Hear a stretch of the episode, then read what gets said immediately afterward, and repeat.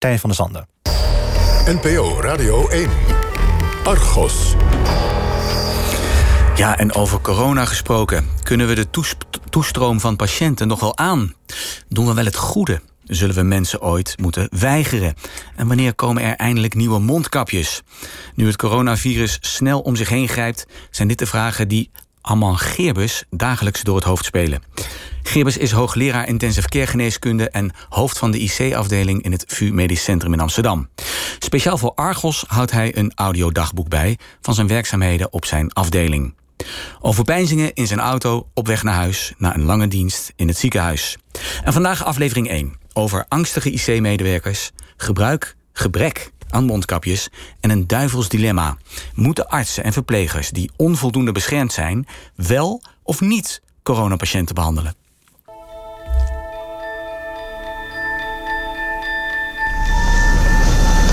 Nou, vandaag was ook wel weer een uh, lange dag.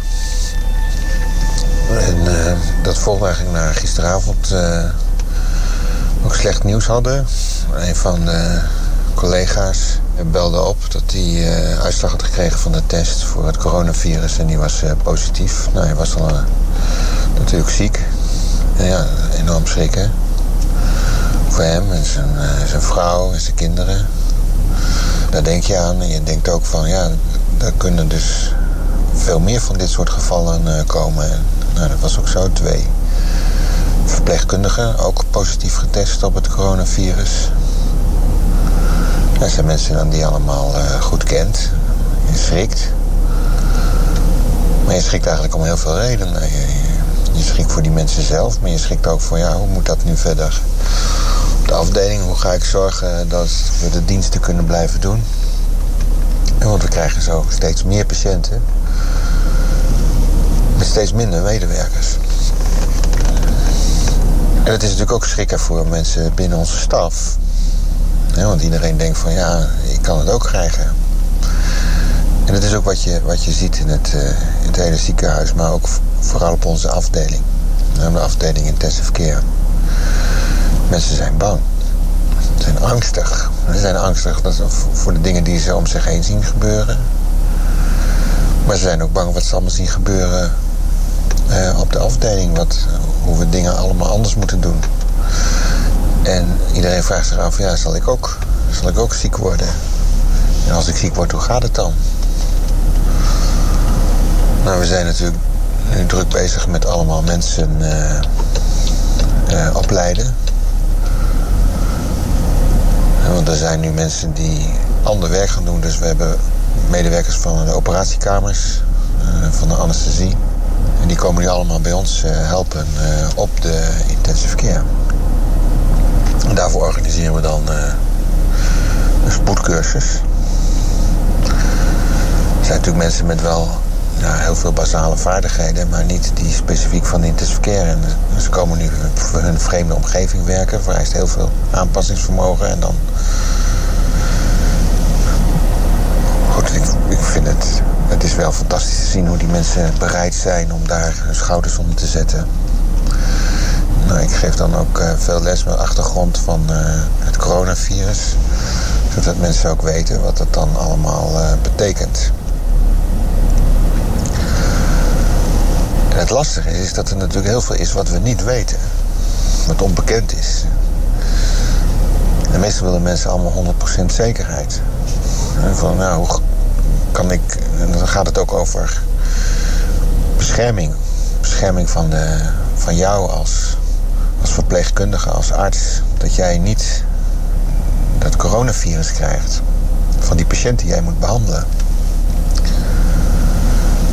En dan wil natuurlijk iedereen het liefst 100% zekerheid. En ik leg altijd uit van nou ja, 100% zekerheid dat je het niet krijgt bestaat niet. De enige manier om dat wel te hebben is dat we je nu in een plastic zak stoppen, die helemaal dicht maken. En dat kan natuurlijk niet. Dat is ook ingewikkeld, want ja, je kan het ook krijgen op straat eh, of in de, in de supermarkt. Dus ik ja, probeer dat iedereen goed uit te leggen. Maar wat mensen wel moeten weten is dat ja, wij en ja, ik dan als, als hoofd van een afdeling, ik voel mij en ben ook eindverantwoordelijk voor de behandeling op de afdeling, maar ook voor de mensen. En samen met ons verpleegkundig hoofd, Alwin. Wil je natuurlijk dat de, veiligheidsmaatregelen maximaal zijn. Ja, in 2019 was het allemaal vanzelfsprekend. Welke, welk type masker nam je als je mensen wilde beschermen? Nou ja, gewoon de, de allerveiligste. En nu staat dat opeens ter discussie. maar er waren al mensen die kwamen en zeggen van ja, je moet er rekening mee houden dat er helemaal geen maskers zijn voor de medewerkers. Nou, wat doe je dan? En ja, met de patiënten op een intensive care, daar liggen natuurlijk de patiënten die het meest virulente, het meest kwaadaardige virus eh, hebben, want anders waren ze niet zo ziek geworden. En als de medewerkers zelf gevaar lopen, dan kunnen ze de patiënt niet behandelen. En ja, nu komt het opeens aan de orde. Dat, dat had ik nooit gedacht. Dat het reëel zou zijn in, uh, in Nederland. En nu is dat opeens zo. Er zijn te weinig mondkapjes.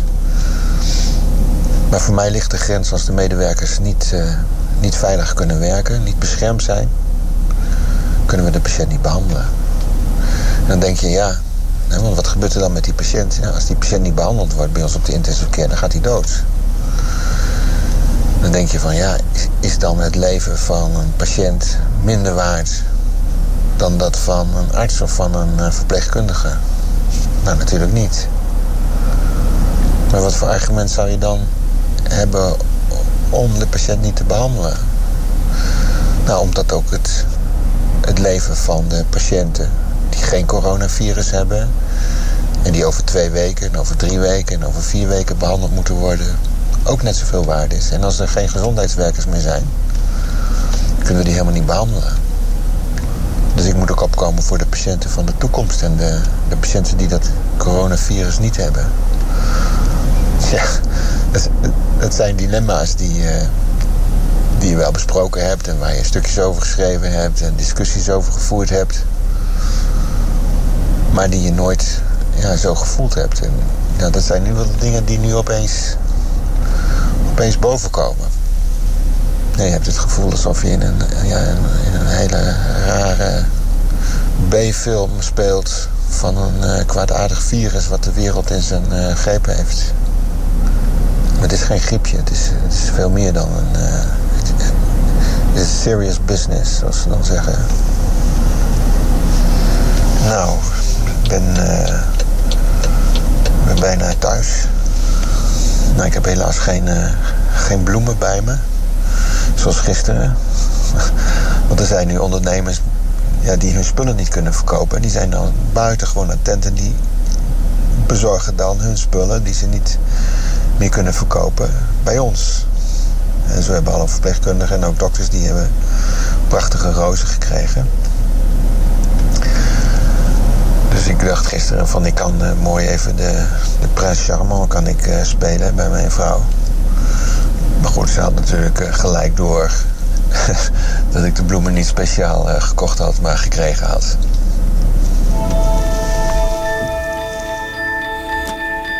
Ja, en alsof minister Hugo de Jonge wist dat we dit zouden uitzenden, heeft hij vanochtend op Twitter laten weten dat een eerste lading van 690.000 mondkapjes in Nederland is aangekomen. Dus dat geeft hoop. U hoorde een fragment uit de eerste aflevering van het audiodagboek van intensivist Amman Geerbus, hoofd van de intensive care afdeling van het VUMC, dat weer onderdeel is van het Amsterdam UMC.